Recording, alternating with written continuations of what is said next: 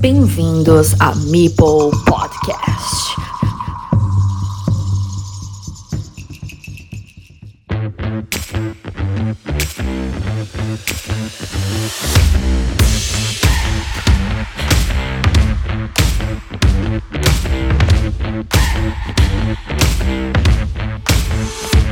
The Hell is Coming.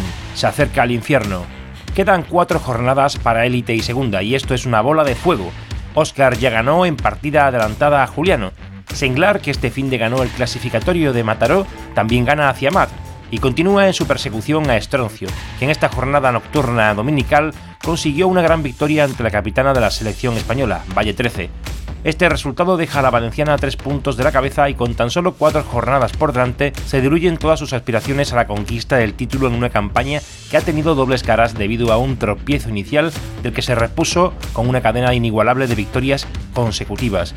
Estroncio sigue al frente de la clasificación en solitario, una vez se han igualado todos los encuentros, y además de Senglar le persigue Caroline, que ganó a Manel en un duelo catalán que lo hunde más en la tabla clasificatoria, no porque baje más de lo que ya está, que es último, sino porque se sale de ese pozo. Su suerte es que Matcan ha vuelto a caer, esta vez ante Abonín, y Fisiquito ante Racarot, partido que pude visualizar y que tuvo en su mano el 2-0 Fisiquito, pero un buen estudio de los setas final dio positividad a los últimos movimientos de Fernando ante Alberto. Y el sevillano, mi paisano, consiguió remontar en la última, que fue igualada por momentos hasta que Fernando se distanció.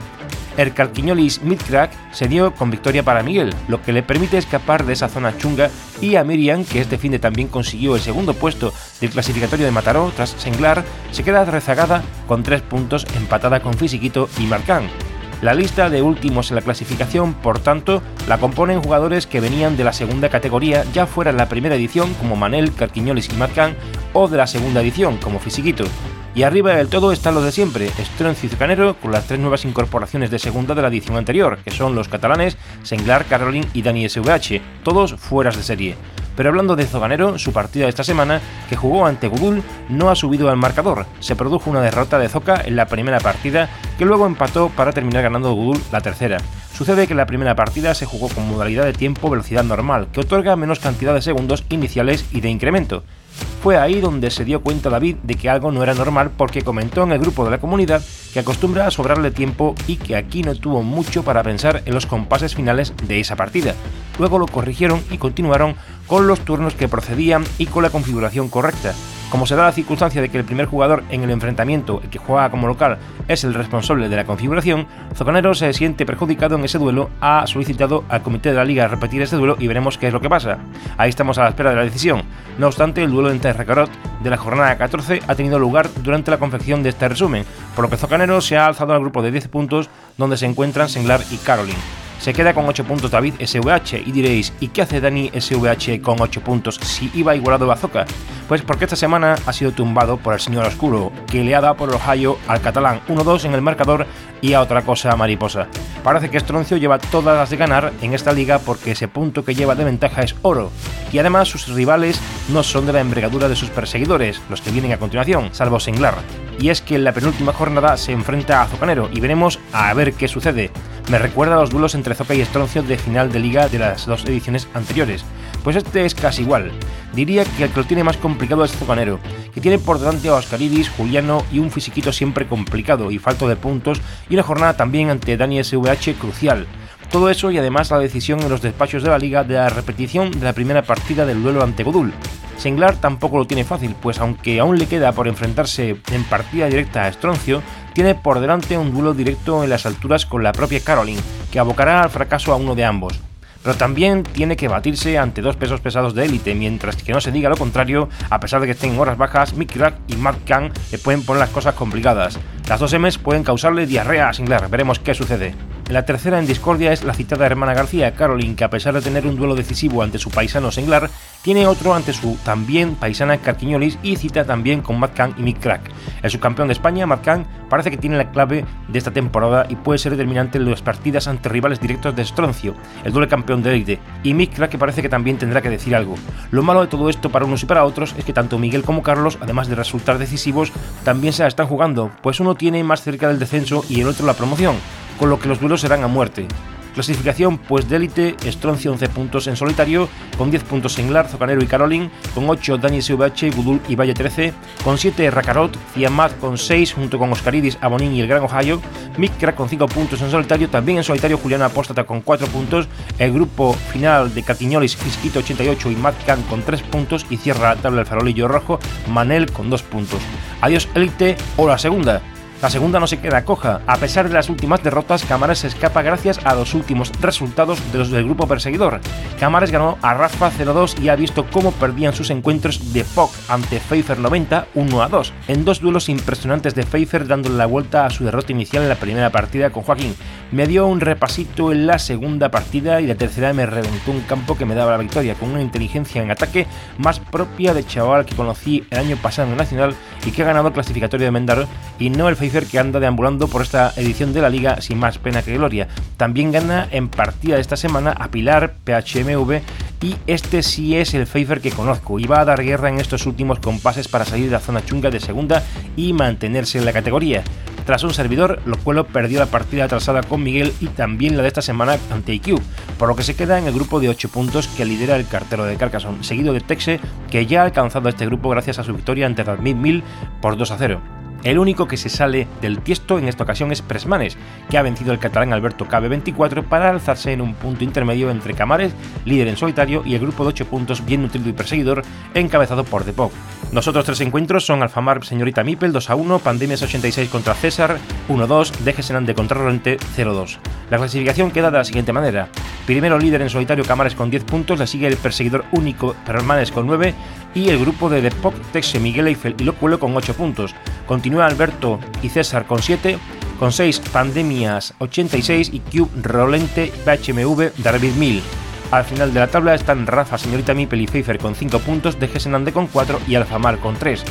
Los duelos que se avecinan para este grupo alto de jugadores aspirantes a élite son, empezando por el líder, Camares tiene que enfrentar en los cuatro duelos que restan a César Pfeiffer de POC y PHMV. De no ser porque César es un buen jugador, Pfeiffer está que se sale últimamente y está mostrando su mejor versión de sí mismo, de POC que le tiene ganado el pulso históricamente a Camares y que Pilar de ella no se puede filar nadie, tenemos un bonito fin de liga para Jesús que ya tiene plaza para el Nacional y por mal que le vayan las últimas jornadas no creo que vaya a perder su plaza para élite. Otra cosa es que finalice la liga como campeón de segunda, pero si se mantiene firme es el claro candidato a serlo. Presmanes lo tiene casi hecho para mantenerse en la brecha, aunque ninguno de sus rivales da duros por pesetas, Darwin Mill, de Gesenande, Rafa y César. Depok, aparte de su duelo ante Cámares, se las verá también con Pilar, Pandemias y Rolente. Texas tendrá que jugar ante de Rafa, César y Pfeiffer, y Miguel Greifel lo hará contra IQ, PHMV, Señorita Mipel y Pandemias. Lo cual se la jugará ante Señorita Mipel, Alberto, Darwin Mill y de Gesenande. Hay que decir que tras el grupo de 8 puntos, Alberto y César andan con 7, y estos tienen enfrentamientos con el grupo inmediato del que acabamos de hablar, con lo que no solo son rivales duros, sino directos, que pueden remontar a sus oponentes en los duelos y convertirse ellos en los aspirantes a élite.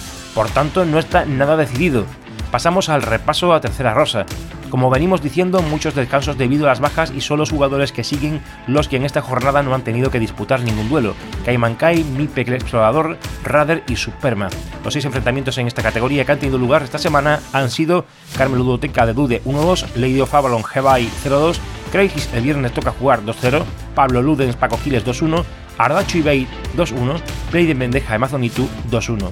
Para una clasificación como la que sigue, de Dude está en una buena posición en arena y también está líder en esta tercera en solitario con 10 puntos. Le siguen tres jugadores, cada uno con una puntuación diferente, como vemos bastante estratificadas las posiciones, con 9 puntos Ardacho, con 8 Amazonitu, con 7 Lady Pendeja. Siguen dos chicas con 6 puntos, Lady of y Superma, grupo de tres perseguidores con 5 puntos, Pablo Ludens, Rader y Hebai, con 4 puntos el grupo de 4 de Cayman Kai, Mipple, Explorador, Ibai y Crisis cierra la tabla con 3 puntos Paco Quiles, con 2 el viernes toca jugar y con 0 Carmen Ludoteca.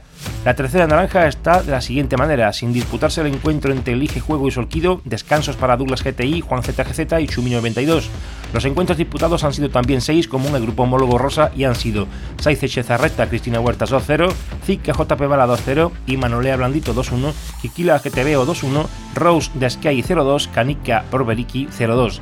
Para una clasificación como la que continúa, con 10 puntos en solitario Borberiki, con 9 Kikila y Douglas GTI, con 8 que te veo, con 7 Zika, JP Bala, Saiz Reta, con 6 de con 5 Rose, con 4 Imanolea Elige Juego y Cristina Huertas, con 3 Solquido y Juan ZGZ, con 2 Chumi92 y Canica, y cierra tabla con un punto blandito. Teniendo en cuenta todas estas posiciones, a día de hoy serían campeones de cada categoría los siguientes jugadores. Estroncio en élite, Camaras en segunda, Dedude en tercera rosa y Borberiki en tercera naranja, aunque ninguno de ellos lo tiene ya definitivamente ganado. Los descensos directos de élite serían Manel y Mazcan y los que suben o ascienden de segunda a élite, Camares, Presmanes, Depok y Texe. Texe que recuperaría la categoría élite tras su paso por segunda. Las promociones estarían a cargo de Fisiquito Eiffel y Caquiñolis Locuelo. Y en segunda también el descenso sería para Alfamar y de Gesenande, y los ascensos de tercera a segunda de Dude Ardachu y Mazonitup del Grupo Rosa, Borberiki, Kikila y Douglas GTI del Grupo Naranja. Las promociones entre segunda y tercera serían Pfeiffer que te veo, Señorita Mipel Lady Pendeja, 2020 Rafa contra Zika 33 y David Mil contra Lidio Favalon. Continuamos en esta senda del Carcasón Online en el que se dan cita hasta 69 participantes, números redondos que estoy seguro que hace las delicias del Gran Ohio. Hasta el próximo episodio.